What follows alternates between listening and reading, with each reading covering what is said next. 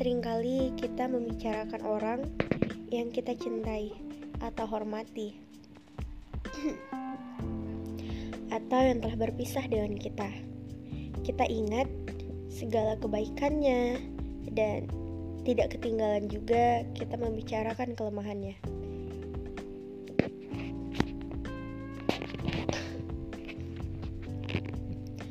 Perangannya yang halus, hatinya suci, sikapnya yang jujur, perkataannya yang teratur, dan budi mulianya. Kelakuannya baik, mukanya jernih, karena ia memandang hidup dengan penuh pengharapan dan tidak pernah putus asa. Apa yang diyakininya, itulah yang dikatakannya, dan apa yang dikatakannya, itulah yang diyakininya.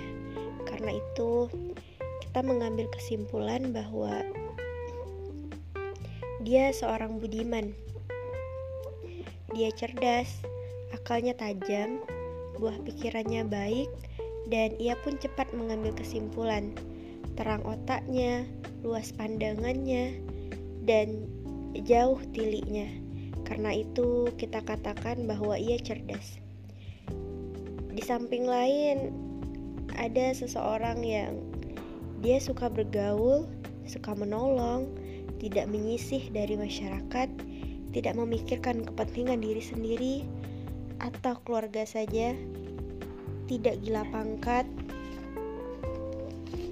mengerti kedudukan orang lain dan merasa dirinya ikut dalam kedudukan itu. Hormat kepada yang tua, kasih kepada yang muda, pandai bergaul, pandai berkawan. Kita gelari dia dengan gelar orang masyarakat. Di samping itu juga ada dia yang tubuhnya sehat, mukanya berseri-seri karena kesehatan tubuh dan jiwanya, pakainya bersih, karena kebersihan hatinya. Dia gemar berolahraga untuk untuk kesehatan tubuh dan dia juga mus suka musik untuk kesehatan batin. Kita namai dia dengan sehat. Pemahamannya luas, penyelidikannya dalam, bacaannya banyak. Karena itu, banyak yang dia ketahui, sehingga dia tidak merasa canggung dalam pergaulan dengan segala lapisan. Oleh karena ada pengetahuannya dalam suatu hal, dia bertanggung jawab. Kita namai dia orang yang cerdik pandai. Semua pribadi orang yang di atas yang telah disebutkan adalah tentang budi, akal, pergaulan, kesehatan, dan pengetahuan. Berkumpul menjadi satu pada orang lain. Berkumpul pada satu orang. Kumpulan itulah yang membentuk suatu pribadi. Lemah atau kuat, berlebih atau berkurang, dari segala yang disebut itu menyebabkan lemah atau kuat, lebih atau kurangnya pribadi. Dialah yang menentukan mutu seseorang ya nilai seseorang adalah pribadinya. 20 ekor kerbau yang sama gemuk, sama kuat, dan sama pula kepandaiannya menarik pedati. Tentu harganya tidak jauh berbeda. Akan tetapi, 20 manusia yang sama tinggi dan sama kuat belum tentu sama harganya. Sebab bagi kerbau tubuhnya saja yang berharga tapi bagi manusia adalah pribadinya. Orang yang berilmu, walaupun ia sangat ahli dalam satu bidang, belum tentu berharga dan belum tentu memperoleh kekayaan. Kekayaan dalam hidup apabila sekiranya bahan pribadinya yang lain tidak lengkap atau tidak kuat, terutama budi dan akhlak. Banyak guru, dokter, hakim, insinyur, dan orang yang memiliki banyak koleksi buku serta diploma segulung besar dalam masyarakat, dia menjadi mati sebab dia bukan orang masyarakat. Hidupnya hanya mementingkan diri sendiri dan diplomanya. hanya untuk mencari harta, pekerjaan yang dipandang. Hatinya sudah seperti batu, tidak mempunyai cita-cita selain kesenangan dirinya saja. Pribadinya tidak kuat karena ia bergerak bukan karena dorongan jiwa dan akal, dan kepandaiannya yang banyak sering kali menimbulkan ketakutan, bukan menimbulkan keberanian untuk memasuki dan menjalani hidup. Jangan disangka bahwa pribadi yang besar dan kuat hanya semata-mata memakai sifat yang terpuji saja. Tidak, bahkan kebalikannya. Bertambah besar pribadi seseorang, bertambah jelas letak kelemahan dan kekurangannya. Orang Arab berkata, Iza tamasyai un bada na'suhu yang berarti apabila sesuatu telah sempurna, jelaslah kekurangannya. Hal itu sangat penting jika kita berkawan atau bersahabat dengan orang. Harus kita ketahui bahwa sebagai manusia, kita harus mempunyai suatu sisi yang dipenuhi perasaan semata. Hanya orang bodoh yang dipenuhi perasaan dan sentimen. Apabila ia disayang, ia lupa. segala kesalahan dan apabila ia berani ia pun lupa segala kebajikan maka arti sebuah pribadi bukan pula hal yang mudah mengupas dan menunjukkan arti pribadi. Hal itu termasuk perkara gaib yang hanya dapat ditunjuk bekasnya, tetapi tidak dapat diraba. Tidak ada bedanya dengan listrik, air, dan radio. Pribadi seseorang dapat diketahui setelah melihat perjalanan hidupnya dan rekam jejak usahanya.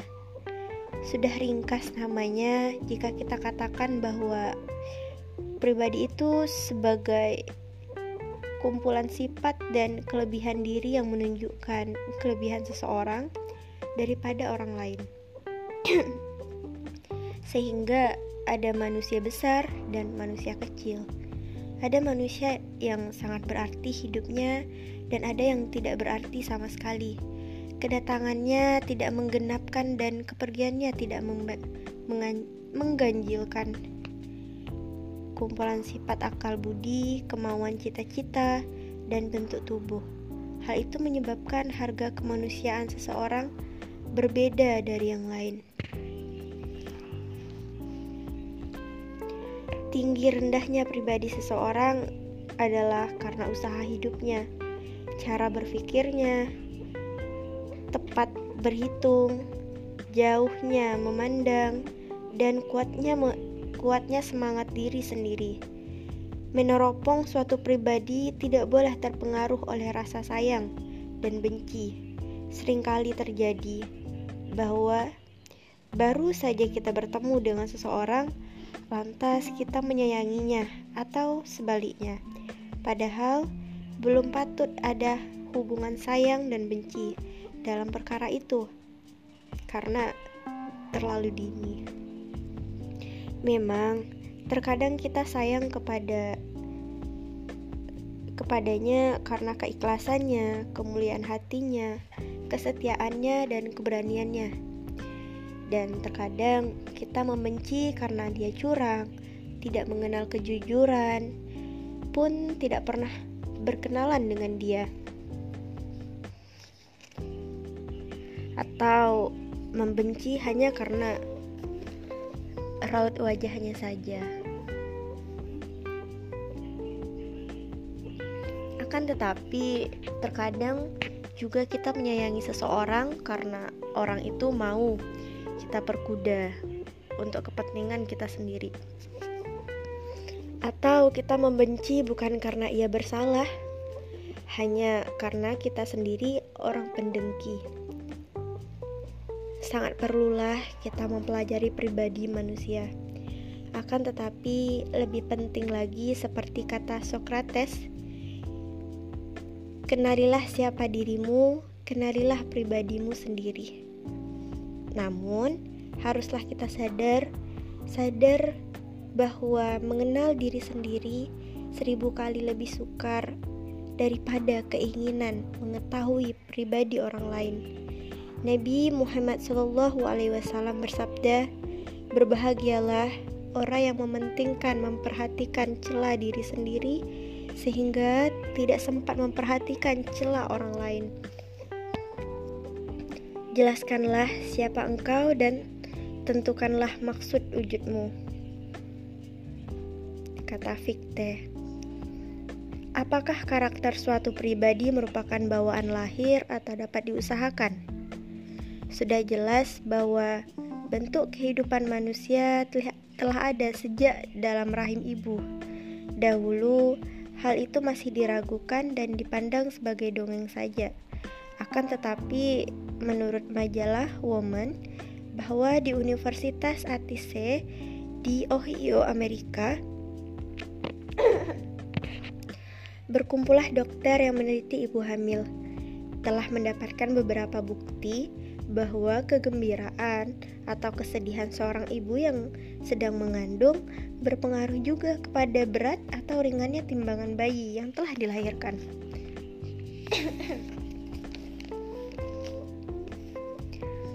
Penjagaan kesehatan perasaan ibu saat mengandung sangat mempengaruhi perkembangan pribadi kandungannya.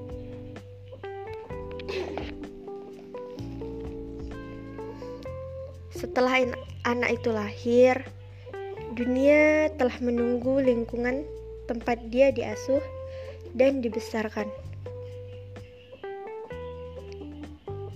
Setelah dewasa, menunggu pula pergaulan yang lebih luas, yaitu masyarakatnya. Sangat penting juga pendidikan di sekolah. Apabila suatu masyarakat telah merdeka, berdemokrasi, berbudi tinggi, sangguplah masyarakat itu menimbulkan pribadi yang kuat.